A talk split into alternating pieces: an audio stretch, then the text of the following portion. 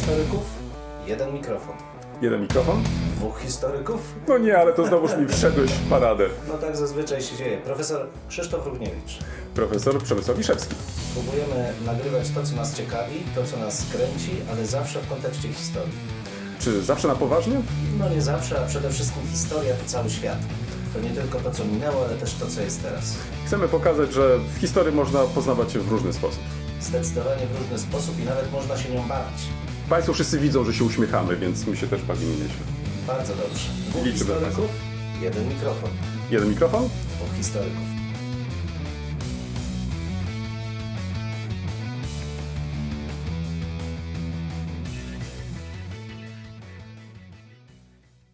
Mieliśmy małe kłopoty techniczne, ale jak zwykle udało nam się je też bardzo szybko pokonać.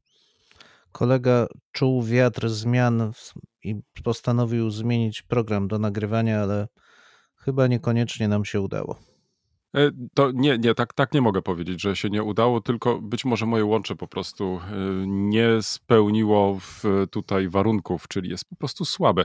Ja nadaję, w, w przeciwieństwie do ciebie, nadaję ze wsi, a ty jesteś w mieście. No, a- no, wiesz, nie chciałem nic mówić o liściach na, we włosach, także wiesz. Ale czyich? Twoich czy moich? O, kolega klasyki nie zna. No dobrze, okej. Nie, To dobrze, to zaraz cię w takim razie przepytam tutaj z klasyki, drogi kolego. Proszę E, bardzo. Lektury, bo chyba bardzo. od tego jak zwykle powinniśmy rozpocząć. Tak. Czytasz czasami komiksy? No, z rzadka, ale tak. Ostatnio, wyobraź sobie, zrobiłem crash kurs, a właściwie nie, to chyba nie jest najlepsze określenie crash kurs, tylko przypomniałem sobie przygody y, bohaterów, y, polskich bohaterów, Kajko i Kokosza. Mówi ci to Bardzo coś? zacny, bardzo zacny komiks. E, Ja rok temu nabyłem archiwalne numery. Pierwsze wydania były w antykwariacie. Przyznaję, że nie mogłem się powstrzymać. I O. chyba cztery czy pięć albumów takich e, kupiłem z pierwszych wydań. Całe dzieciństwo mi stanęło przed oczami. Przyznaję, że nie przeczytałem tych albumów. Raczej z nostalgią je przejrzałem i odłożyłem na półkę z westchnieniem, że kiedyś może będę chciał do tego wrócić. Ale nostalgia była. Pretekstem, żeby w ogóle ten temat podjąć, e, to oczywiście jest prezentacja kreskówki e, o Kajku i Kokoszu w, w Netflixie. Obejrzałem wszystkie części, muszę ci powiedzieć, od początku do końca. One nie są długie, więc e, nie zabiera to zbyt dużo czasu. Ale mm, rzecz, e, która mnie zainteresowała, mianowicie nie zdawałem sobie z tego sprawy, że mm, mamy tak zagorzałą grupę fanów e, Kajka i Kokosza. Ty wspominasz No o tym, że kupiłeś e, w, w archiwalne numery. Natomiast w internecie znalazłem całe strony internetowe, które są tylko poświęcone przygodom e, obu tych właśnie bohaterów. Łącznie wyobraź sobie z historiami, które im poświęcono. Mm, I to, co mnie zainteresowało dodatkowo, to sposób e, ukazania historii w Kajko i Kokoszu, bo mm, trafiłem, czy znalazłem też i mm, ten link do y, w, mm, nagrania oczywiście znajdą Państwo w, w naszym opisie. Znalazłem też link do nagrania z e, autorem Kajka i Kokosza, który twierdził, że specjalnie umieścił historię swoich bohaterów w czasach przed chrześcijaństwem. Miałeś tą świadomość? Znaczy, ja mam zawsze dylemat, muszę powiedzieć, bo z jednej strony Christa był świetnym twórcą, ale te zbieżności fabularne bohaterów z Asterixem i Obelixem dla mnie są tak uderzające, że powiedziałbym, że no, no, tam nie ma przypadku, tam, ponieważ i Asterix i Obelix dzieją się w czasach pogańskich, tak zwanych, więc trudno mi mm, zadumać się i powiedzieć, że rzeczywiście rządziło tym coś innego niż chęć skopiowania pewnego układu fabularnego, który zastosowali René i Gościnny. Choć muszę ci powiedzieć, że o ile tutaj jest jakaś taka chyba odwieczna rywalizacja w, mm, no to, ale tak, tylko czy ja to mogę tak określić, nie wiem, Franków e, z Rzymianami, e, Mhm. no być może tak. Tak, tutaj mamy chyba tą odwieczną rywalizację między Słowianami a Germanami. No I tam zobacz, Galowie, to jest chyba nasz mały wkład. I tam jest chyba nowy wkład. Nie Frankowie, no. tylko Galowie, pamiętaj, że tam Galowie, u- przepra- u Renei prze- prze- gościnnego to są a, Galowie, widzisz, nie A, Frankowie. widzisz, a, słuchaj, o, widzisz, popatrz, no Mm. i to jest właśnie ta moja niewiedza. Dziękuję ci bardzo, w, że mnie tu cię poprawiłeś. E, dziękuję ci bardzo. Natomiast e, zwróć uwagę, że w, tu chyba, w, nie wiem, czy potwierdzisz, to, to ewidentny wręcz jest ta, ta pokazana taka rywalizacja między Słowianami a Germanami i te różne rysy tutaj, które Ale się tutaj przewijają przez naszych bohaterów. Jak spojrzymy na samo, same ubrania, kostiumy tak zwanych zbójcerzy, no to one są jak żywcem wyjęte z filmu Krzyżacy Forda, Mm. a z tymi czarnymi krzyżami na białych tunikach, no tam, tam nie ma przypadku, te, te wszystkie rysy, ten kapral, y, który zachowuje się no właśnie jak kapral armii pruskiej, no to, to tam naprawdę nie ma przypadku, to w pełni się z tobą zgadzam. W tym semestrze mam e, zajęcia z przyszłymi nauczycielami historii, więc e, poświęcę może część e, tych zajęć e, Mhm. analizie e, przygód e, Kajko i Kokosza. Myślę, że będą mieli tutaj sporo e, możliwości wykazania się. Ale przy okazji, nie wiem czy wiesz, że e, w związku z tym powstaje we Wrocławiu też nowy mural, gdzie bohaterami głównymi właśnie są bohaterowie wspomnianej kreskówki. To mnie zastrzeliłeś we Wrocławiu? Proszę cię bardzo, tak, w, w, we Wrocławiu. No nie dziw się, w piastowskim Wrocławiu, już żeby użyć tego określenia w osłowiańskich przygodach, tak, będziemy mieli wkrótce mural. e, Zresztą wielkoformatowy. To, wiesz, to nie jest tak, że to w jakimś tam przejściu schowane w, Ale na urzędzie Tam- wojewódzkim? Nie, nie, nie, nie, nie. To chyba tak nie, nie jest dobrze, w, nie na urzędzie wojewódzkim, ale e, jak będzie gotowy, w, w, myślę, że warto będzie też zamieścić e, jakieś takie zdjęcie, które będzie to pięknie pokazywać. Ale póki co, są jeszcze rusztowania, są prace, więc e, tylko ostrzegam cię, że za chwilę kolejny mural o tematyce historycznej. Chyba też tak możemy rozpatrywać przygody tych bohaterów, bo w końcu to oni też już są historią. pojawi się we Wrocławiu. Ale to jest e, pierwsza Wrocław, rzecz. e, Tylko do, do, do, dopowiem tylko, że Wrocław nie do końca ma szczęście do murali historycznych, bo kojarzę dwa i oba mi się średnio podobają estetycznie, a ideologia to inna rzecz, czyli IPN i ten wielki mural Dlaczego? wyklętych. Ale, słuchaj, ale przyjmij, przypomnij sobie mural w, nad Odrza. Mnie się on strasznie podoba. Jako taka brama właściwie do nowego świata, gdzie tam się wszystko właściwie Ale pojawia. mówię o, o od e, historycznych. samolotów poprzez e, Bóg wie co tam jeszcze. No, No, ale ja mówię o tych muralach o tematyce historycznej. Ten nadodrzański ale tam jest jak najbardziej historia. metafora bardziej niż No dobrze, historia. no nie ale masz tam nie, no głównego rację. bohatera, no nie masz głównego bohatera, jest okno na świat, ja to tak interpretuję i jest, Tak. masz przestrzeń historyczną, która nam się zmienia, no, poprzez e, przedmioty, w, które tam się pojawiły.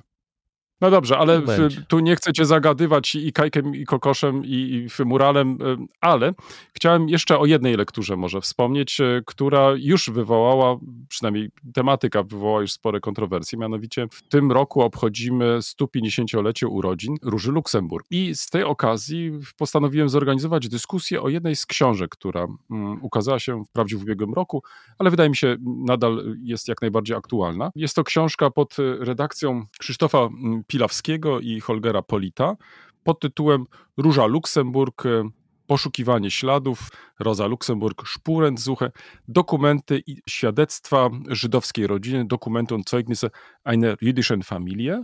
Książka, która ukazała się w Niemczech, jeszcze e, niestety nie jest dostępna po polsku, a szkoda.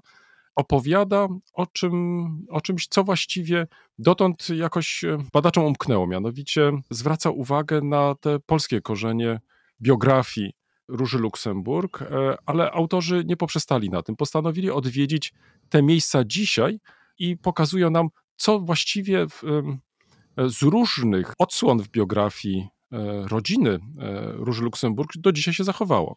Co jeszcze możemy zobaczyć? Niestety no, pewnych rzeczy już nie możemy zobaczyć, jak chociażby usuniętej e, trzy lata temu, jeśli się nie mylę, tablicy na jednym z domów, e, który był uważany za miejsce narodzin Róży Luksemburg e, w Zamościu. Tej tablicy już e, dzisiaj nie zobaczymy. O niej możemy co najwyżej przeczytać, ale e, rzecz jest naprawdę bardzo ciekawa, to znaczy jak pewne postacie w naszej historii funkcjonują, jak nie funkcjonują. I tutaj rzecz jest też dla mnie bardzo ciekawa i dlatego wspomniałem ten współczesny wątek, ponieważ w tych dniach obchodzimy 150. rocznicę urodzin Naturalnie z tej e, okazji pojawiło się też kilka okolicznościowych artykułów w prasie polskiej. Są one, muszę powiedzieć, komentowane. Szczerze mówiąc, e, ja nie biorę już udziału w ta, w nawet w poprawianiu takich czy innych e, wpisów, bo to po prostu nie ma najmniejszego sensu. Trochę się dziwię, że osoby, które uczestniczą w komentowaniu, najczęściej bardzo negatywnym, no po prostu nie mają żadnego pojęcia, o czym tak naprawdę e, piszą. Dobrze byłoby, gdyby sobie sięgnęli do różnych publikacji, być może sobie odświeżyli, chociaż z drugiej strony przyznaję, do dzisiaj, co jest ciekawe też, nie ukazała się po polsku biografia Róży Luksemburg. E, pomijając popularne opracowanie sprzed wielu lat Aleksandra Kochańskiego, to praktycznie do dzisiaj e, na temat no, tej wielkiej postaci ruchu robotniczego po prostu niewiele wiemy. No to jest uderzające, ale oczywiście w części zrozumiałe o tyle, że przed 89 rokiem ulica Róży Luksemburg chyba była w każdym mieście.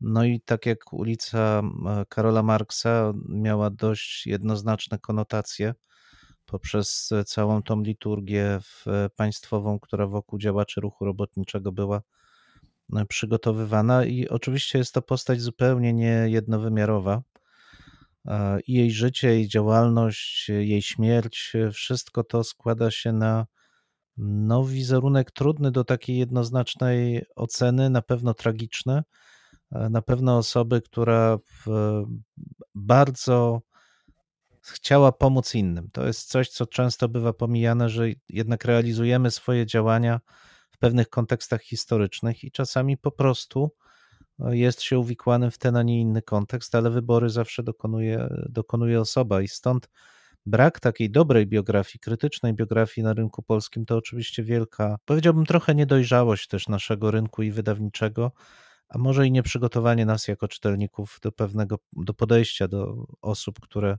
za łatwo są kojarzone z ideologiami, a były żywymi ludźmi podejmującymi zupełnie niestereotypowe wybory. Zresztą Róża Luksemburg ma też i wrocławski tragiczny epizod w swoim, e, w swoim życiu. Tak, to zresztą e, nawet e, powstała inicjatywa, żeby w więzieniu, w, czy w pobliżu więzienia, gdzie była przetrzymywana, jest inicjatywa, żeby mm, na jednym ze skwerów w pobliżu, czy jeden ze skwerów nazwać jej imieniem, ale zaraz e, w internecie również pojawiła się kontrpropozycja, czy jest jakaś petycja, żeby nie nazywać e, tego skweru hmm. imieniem Róży Luksemburg.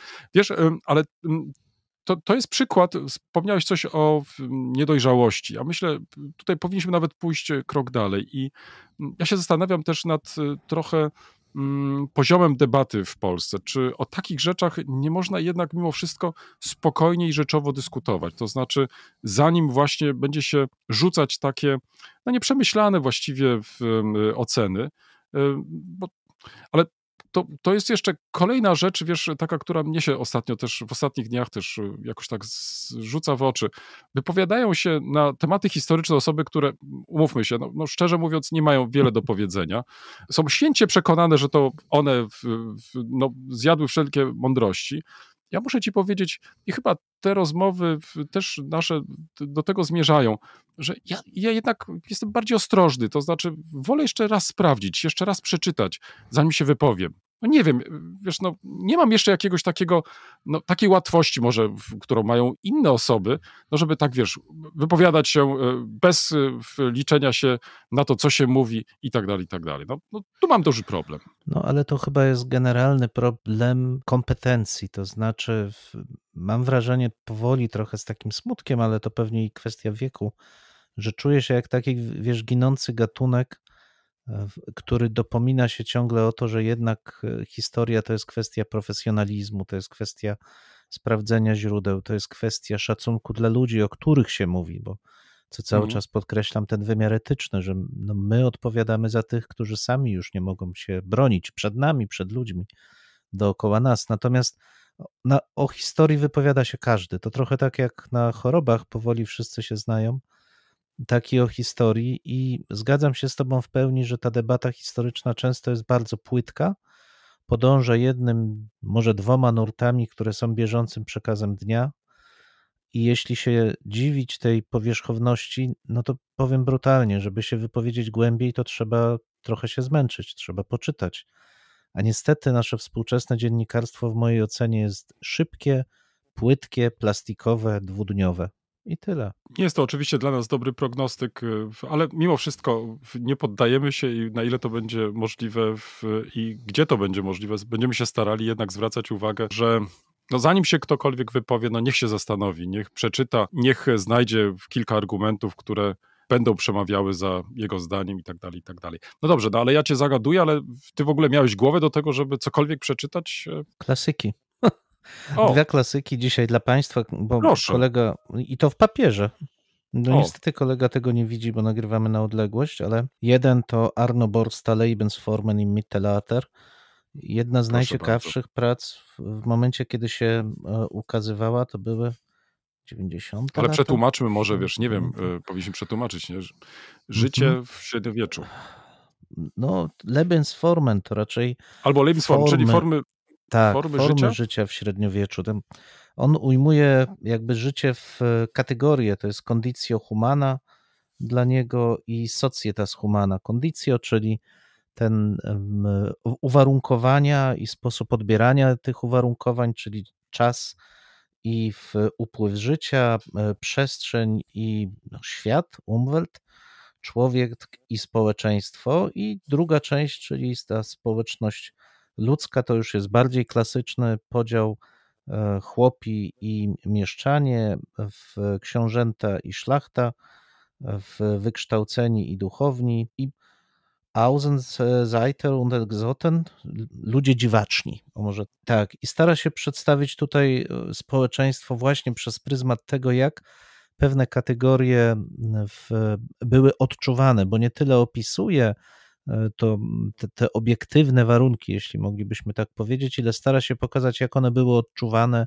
przeżywane, komunikowane przez ludzi e, średniowiecza, więc był prekursorem takiego spojrzenia historiografii niemieckiej, no bo francuskiej dużo wcześniej to się pojawia, właśnie przez pryzmat tego we, wnętrza e, ludzkiego. A wracam do tego z przyjemnością, ale dość e, specyficznie odbierając niektóre jego koncepcje, bo jed, jednak Arno Borst był e, bardzo klasycznym niemieckim historykiem, to dążenie do klasyfikowania, do wykorzystywania kategorii, co do których uniwersalności można mieć zastrzeżenie. On na przykład używa kategorii folk i traktuje ją jako e, obejmującą coś, co my byśmy rozdzielili przynajmniej na dwie kategorie: społeczność polityczną i etniczną.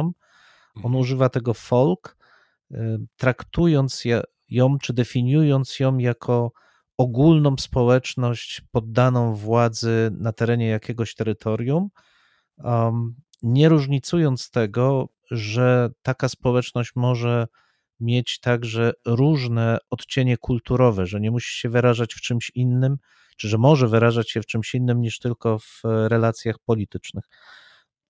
Tym niemniej, tak jak mówię, dla mnie bardzo ciekawa, bardziej już historiograficzna lektura, właśnie klasyczna, ale pozwalająca w- dostrzec wiele, dostrzec wiele oddziaływań, skutków takiego spojrzenia przez pryzmat kategorii wykorzystywanych dzisiaj. Trochę przestroga, żeby właśnie ten ar- archaiczność e, kategorii przez nas wykorzystywanych nie rzutowała na całą naszą narrację. I druga praca, trochę młodsza, ale uważam bardzo ważna, e, też klasyczna, e, Warrena Browna, Violence in Medieval Europe.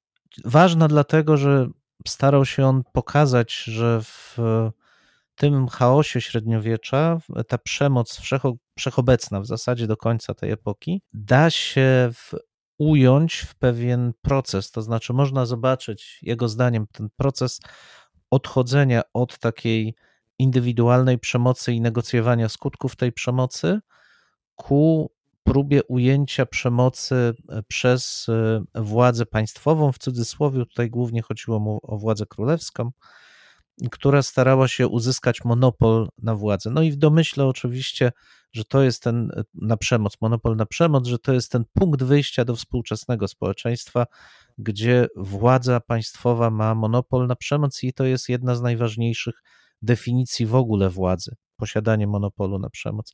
Bardzo ciekawa praca, ale znów kolejny raz, tak jak i przy Arnoborście, moje zastrzeżenia dotyczą pewnego mm, anachronicznego podejścia, to znaczy e, Warren Brown widział tą przemoc głównie w kategoriach właśnie państwowych, głównie w kategoriach organizmów politycznych. Jeszcze raz, ten, ta, ta polityczność społeczeństwa tutaj znowu jest bardzo mocno wyeksponowana, a na przykład zupełnie nie dostrzega przemocy jako ruchu oddolnego, jako ruchu wyrażającego relacje między grupami społecznymi, a niekoniecznie relacje polityczne.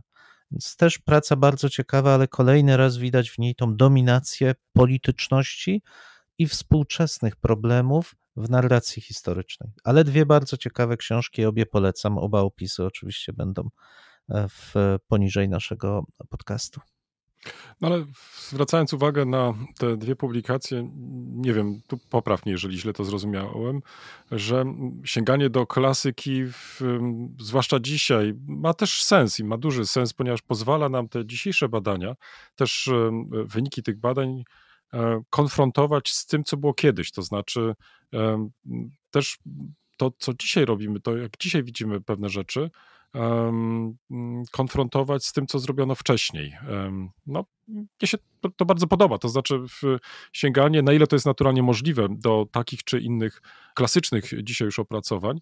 Wspomniałeś o tym, że mm, przynajmniej w tej pierwszej pracy, którą wymieniłeś, jest jakaś taka próba uporządkowania tego wszystkiego, stworzenia jakiegoś takiego, um, stworzenia nawet wręcz klasyfikacji i tak dalej. No, oczywiście to, to jest takie bardzo typowe też podejście, charakterystyczne dla na przykład nauki niemieckiej, ale z drugiej strony, wiesz, um, ja sobie bardzo cenię też takie prace, ponieważ e, one mają charakter, no jakby nie patrzeć, też takiego pewnego podręcznika, to znaczy dzięki temu możesz e, też e, mm, bardzo szybko w, w znaleźć pojęcia, w różnego rodzaju w sposoby patrzenia i tak dalej, czy też nawet klasyfikacje i wręcz sobie po prostu wypisać je to, to, oczywiście jest zawsze łatwiej zapamiętać i w tym samym. Później w razie kiedy przygotowujesz na przykład się do jakiegoś wystąpienia, czy nawet chcesz wykorzystać to w swojej pracy, no łatwiej to też zastosować. Tak, no oczywiście, że tak. To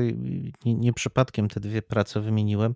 Także dlatego, że to są dla mnie dwa różne ujęcia podręcznikowe właśnie, jak słusznie zauważyłeś. Arno Borst jest e, dokładnie bardzo uporządkowany i ta jego praca ma też tą cechę, która mnie w podręcznikach niepokoi bardzo często. To znaczy, poprzez taką specyficzną e, dokładność, narzucenie tej klatki pojęciowej, siatki tych wszystkich odniesień, w których można się odnaleźć, skonstruowanie tam takiego uniwersum, zamkniętego uniwersum, stwarza wrażenie, że to jest jakby skończona suma, że tu już nic więcej się nie powie że tylko przez pryzmat tego należy rozumieć otaczający świat. E, z kolei Brown swoją pracę, no, Amerykanin pisze zupełnie inaczej. To są, jest kilka przykładów z różnych epok. On oczywiście zastrzega się, że one są zbyt wąskie, żeby tworzyć taką pełną um, syntezę, ale uważa, że jednak na tej podstawie coś można powiedzieć. Więc z jednej strony pokazuje ograniczenia i zostawia to pole takie do refleksji dalszej, to jest praca otwarta, ale to nie uwalnia go od sformułowania swojej hipotezy, pokazania tej e, swojej wizji e, problemu, świata, który chce przedstawić. Tym niemniej zostawia przestrzeń dla czytelnika, zostawia przestrzeń dla osób, które chcą dyskutować, do rozwijania dalej tej myśli. Więc dwa zupełnie różne podejścia do podręczników, bym powiedział. No też dzieli je 20 lat metodologia zupełnie inna, narracyjna, podejście też odmienne, ale ja mam wrażenie, że te elementy podręczników trzyk, o których wspomniałem, otwarta, zamknięta struktura i ten nacisk na politykę, akurat w przypadku polskich podręczników e, z zakresu historii, o, wszędzie są obecne, powiedziałbym, czego brakuje, to chyba tej otwartości przede wszystkim. Tak, to jest oczywiście też pytanie, o jakich podręcznikach e, teraz dyskutujemy. Czy mamy na myśli podręczniki szkolne, czy też e, raczej myślimy o podręcznikach akademickich. Ja myślę, że tutaj no jest to jednak e, różnica w, nie tylko w nazwie, ale też i w gatunkach, lub też inaczej odbiorcach, do których kierujemy tego rodzaju właśnie materiały. No pewnie tak, ale wiesz co, pewne decyzje dotyczące korzystania z podręcznika, a w konsekwencji formy podręcznika podejmuje się w ten sam sposób. No, czy niezależnie od tego, czy piszemy podręcznik akademicki, czy piszemy podręcznik do szkoły średniej, czy do szkoły podstawowej. E, trochę podręczników popełniłem w swoim życiu. Żaden nie stał się bestsellerem z różnych powodów. Choć nie, no jeden zaraz, tak, zaraz, tak. aczkolwiek... No dobrze, tak. już może tak nie mów tak ale, nieskromnie. Ale... Każdy podręcznik jest bestsellerem, ponieważ o, zwróć uwagę, e, sprzedawany jest w tysiącach egzemplarzy. Tak więc e, w przeciwieństwie do książek, które, no nie powiem na co dzień, ale jednak co jakiś czas publikujemy, to tutaj w zestawieniu z podręcznikami jesteśmy na straconej pozycji. Ale właśnie wracam do tego, co to jest podręcznik, bo zwróć uwagę, że mm, kiedy my piszemy swoje książki, przynajmniej ja tak mam, zawsze staram się, żeby ona wnosiła coś nowego, z drugiej strony pokazywała całość tego, co do tej pory starano się powiedzieć, żeby nie, nie stwarzała sztucznych złudzeń, że wymyśla się rzeczy, które przecież już wcześniej były powiedziane, ale przede wszystkim, że jest po coś, że rozwija, wskazuje, prowadzi. Podręcznik ma nieco inny cel. Podręcznik jest specyficzną formą, którą najpierw trzeba sobie zdefiniować, bo przywykliśmy, przynajmniej ja pamiętam swoje dzieciństwo, swoją edukację szkolną, no jako niestety, przepraszam za to wyrażenie, zakuwanie i przerabianie kolejnych fragmentów podręcznika. Zabijająca forma dla każdego chyba przedmiotu, z jednej strony pozwalająca owszem zbudować sobie jakieś podstawy faktograficzne w przypadku historii, ale śmiertelnie nudna, ograniczająca i sprawiająca, że historię widzi się jako przedmiot, który należy zapamiętać i niewiele więcej. Więc pytanie teraz, do czego ma być ten podręcznik? Czy podręcznik ma wzmagać taką, wzmacniać, prowadzić właśnie taką formę edukacji historycznej? Dla mnie absolutnie nie, ale z kolei z punktu widzenia sprzedawców, wydawców, bardzo często jak najbardziej, bo takie jest oczekiwanie środowiska, że otrzyma klasyczny podręcznik, a trzeba wiedzieć, że pisanie i wydawanie podręczników to jest wielki biznes. To jest akurat na polską skalę wydawniczą, jeżeli jest jakiś, jakiś dział tej działalności wydawniczej, który rzeczywiście generuje zyski, to jest to pisanie podręczników i są tego konsekwencje. No zgoda, tylko że zwróć uwagę, ja jednak mimo wszystko widzę pewną różnicę między podręcznikami, e, nazwijmy to tak bardzo ogólnie, szkolnymi a akademickimi. W przypadku tych pierwszych, e, zwróć uwagę, że podstawą e, napisania takiego podręcznika jest zawsze program szkolny. To jednak tutaj w przypadku podręcznika akademickiego nie jest to takie tutaj istotne. Można oczywiście opracować sobie jakiś program i później napisać do niego podręcznik. Tak przecież e, też e, nieraz robiłem, ale to nie jest takie tutaj istotne. Z kolei tutaj w tym pierwszym przypadku, czyli podręczników szkolnych, no to jest jeszcze odpowiednie ministerstwo, które dopuszcza do użytku szkolnego takie programy. Później taki podręcznik też musi być dopuszczony do użytku szkolnego. Także zwróć uwagę, że ten podręcznik to nie jest tylko mm, to, na co zwróciłeś teraz na koniec, przepraszam, uwagę, ten efekt końcowy, czyli e, też ten zysk, e, o którym wspomniałeś, e, wydawnictwa, ale też jest kilka innych wcześniejszych etapów, o których też musimy w jakiś sposób pamiętać. Przepraszam.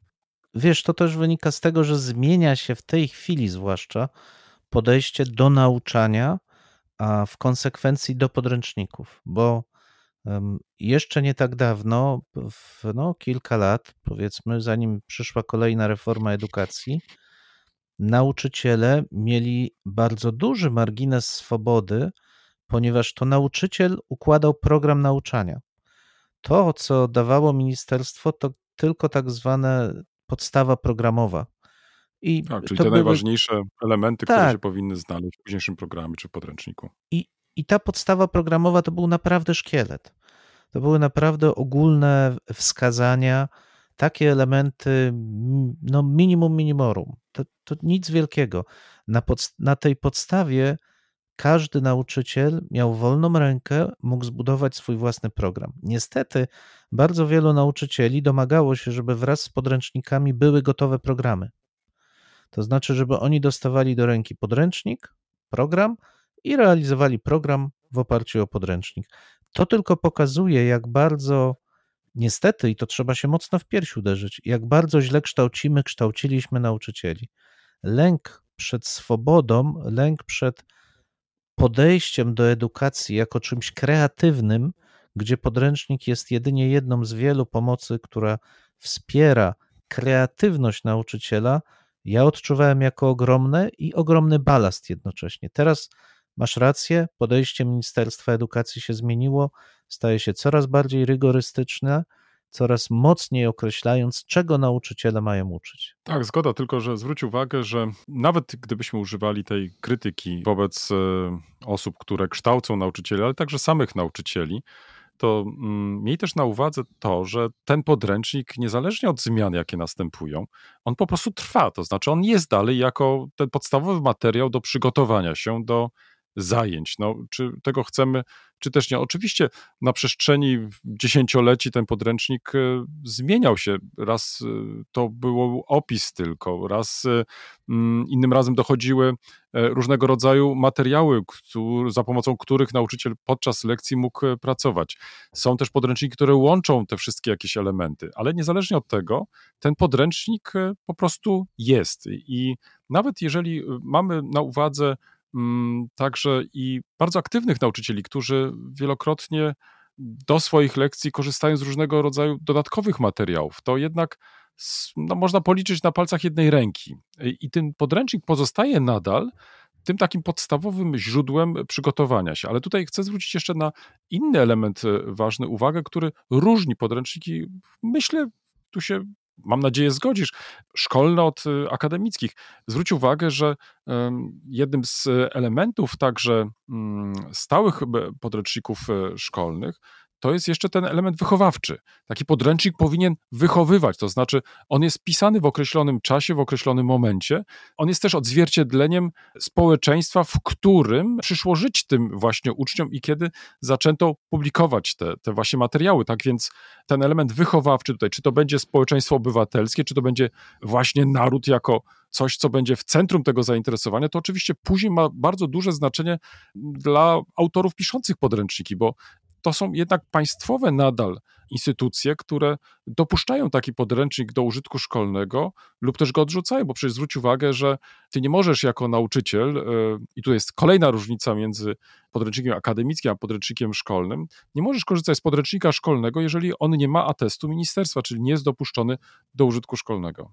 Zgadzam się, nie możesz korzystać z takiego podręcznika jako podręcznika. Natomiast po pierwsze, nikt ci nie zabroni nie korzystać podręcznika, z podręcznika. Tak możesz prowadzić swoją edukację, swój program, czy do tej pory mogłeś prowadzić swój program kształcenia bez podręcznika. To, to nie był wymóg. To tak naprawdę nauczyciel decydował, czy chce prowadzić swoją edukację w oparciu o podręcznik, mhm. w jakim zakresie chce wykorzystywać ten podręcznik, do czego on będzie służył. Pamiętaj też, że taka wizja, że lekcja i podręcznik to są rzeczy kształtujące w ogóle szkołę, to jest wizja niestety naszej XIX-XX wiecznej szkoły. Natomiast tam, gdzie edukacja się rozwija, gdzie szuka nowych form, to wcale nie jest takie oczywiste. Ja nie wykluczam i nie przekreślam podręcznika, bo bardzo często ten podręcznik stabilizuje, pozwala wracać do pewnych rzeczy, pomaga samym uczniom, ale podręcznik w naszej szkole jest swoistym fetyszem. I jeżeli pójdziesz i zobaczysz, jak wygląda kształcenie w innych krajach, powiedzmy tych bardziej na północ i na zachód od nas, to te podręczniki są wsparciem, są elementem, ale nie są trzonem edukacji, bo edukacja ma służyć przede wszystkim rozwijaniu człowieka. Nie napiszesz podręcznika, który przewidzi wszystkie zmiany, wszystkie odmiany zachowań ludzkich i wszystkie potrzeby ucznia i nauczyciela. Możesz mu dać pewien wykład, możesz mu zaproponować, tak jak próbowaliśmy we podręczniku, zaproponować coś otwartego, coś, z czego można korzystać w części, można komponować swój własny podręcznik. To wszystko możesz, ale ostatecznie to nauczyciel w zderzeniu ze swoim uczniem, ze swoimi uczniami powinien kreatywnie podejść do przekazania najważniejszych według niego treści. Po to odpowiada za kształtowanie programu nauczania. To jest cały czas autorska wizja nauczyciela. Jeśli mówisz o tych kwestiach wychowawczych, to w pełni się z Tobą zgadzam. Cała edukacja, ale też całe społeczeństwo jest nastawione na edukowanie. Na tym Hmm. polega ta inkulturacja młodego człowieka, zapoznawanie go z kulturą, wprowadzanie go w kulturę. Pytanie tylko, czy trzeba robić to tak łopatologiczne i czy rzeczywiście taka łopatologia, jaka jest niestety w części podręcznikach i w trakcie kształcenia, czy w szkole podstawowej, czy w średniej, przynosi dobre rezultaty. Moim zdaniem Czy nie. tak, Mhm. czy w takim razie e, masz wrażenie, że powinniśmy mm, na nowo zacząć e, dyskutować o kształcie? Myślę tutaj konkretnie teraz o edukacji historycznej, m, zaczynając od e, uniwersytetów, to znaczy od tych części, które zajmują się tą właśnie edukacją? Po, zdecydowanie. inaczej. Zresztą wiesz, taka, i, i, taka dyskusja się toczy. No, mamy wśród nas naszą koleżankę Asię Wojdon, panią profesor Joannę Wojdon, która zajmuje się podręcznikami od lat. E, Wspierała nas metodologicznie przy przygotowywaniu pierwszej już nieistniejącej wersji podręcznika ministerialnego. Sama napisała bardzo dobry zresztą taki podręcznik. Ta dyskusja się toczy, znaczy na świecie się toczy, może tak. A jeżeli chodzi o nauczanie historii, zwłaszcza w trakcie studiów historycznych, no to jest clue. Znaczy, to my powinniśmy się zastanowić, czy rzeczywiście nasz, nasza, czy, czy rzeczywiście myślimy o tym, czego uczymy, jak uczymy i po co uczymy. Bo ja mam wrażenie, że edukacja historyczna w Polsce ta, na studiach stała się zakładnikiem różnych potrzeb, ale akurat wizja tego, dlaczego chcemy uczyć tej historii, jest tu najmniej istotna, czy była do tej pory najmniej istotna. No tak, ale to zwróć uwagę, że nie wiem, czy masz e, podobne wrażenie co ja, że jednak e, dydaktykę historyczną jako taką traktowano zawsze po macoszemu. E, Jednak to, co przede wszystkim było w centrum zainteresowania, to wielkie badania w, dotyczące takich czy innych epok. Natomiast to, w jaki sposób będziemy kształcić przyszłych nauczycieli, to była jednak mimo wszystko jakaś taka drugorzędna sprawa. Zresztą daleko też nie musimy szukać. No, pomyśl, czy zwracamy faktycznie uwagę na to, jak e, nasze młode koleżanki, nasi młodzi koledzy prowadzą zajęcia na przykład, czy są w jakiś sposób przygotowani e, do tego, czy, czy zwraca się uwagę, czy jest coś takiego jak dydaktyka na przykład e, uniwersytecka, pracy w, instytucie i tak dalej, i tak dalej. No, z tym miałbym pewne problemy, to znaczy przynajmniej nie znam też takich podręczników, które mogłyby w sposób, e, bym powiedział, taki kompleksowy, ale otwarty, tak jak powiedziałeś przed chwilą, pokazywać no, pewne możliwości. No, znam sporo podręczników w innych językach i muszę ci powiedzieć, że zawsze do nich sięgam z wielkim zainteresowaniem, bo jest to dla mnie jakaś inspiracja, jest to dla mnie jakaś taka chęć, e, no właściwie podejrzenia, jak to robią inni. Natomiast no, brak mi trochę na tym polskim rynku właśnie tego rodzaju opracowań. No nie wiem skąd się to bierze. No, nie wiem, czy, czy to jest kwestia tylko tego, że, że, że faktycznie mamy problem e, z docenieniem dydaktyki jako takiej, e, jako równoważnego też, e, albo równoważnej części w, w zainteresowania historycznego, e, czy też e, no, po prostu w, dalej, e, znaczy nie, nie, nie wiem jak, jak- jakby to, to, to określić, bo, bo mam cały czas wrażenie, że w tych wszystkich dyskusjach te, te problemy dydaktyczne, one jednak mimo wszystko schodzą na daleki margines i praktycznie gdzieś to nam później ginie. Natomiast pojawia się waga i znaczenia dydaktyki w sytuacjach kryzysowych, to znaczy w sytuacjach, kiedy nagle widzimy, że oczekiwania wobec nauczycieli są duże, a oni nie potrafią czasami sprostać, chociaż też wkładają w to ogromny wysiłek. E, Okres pandemii jest tego bardzo dobrym przykładem, kiedy praktycznie z dnia na dzień nauczyciele, podobnie jak i my, musieli się przestawić z nauczania stacjonarnego na nauczanie online.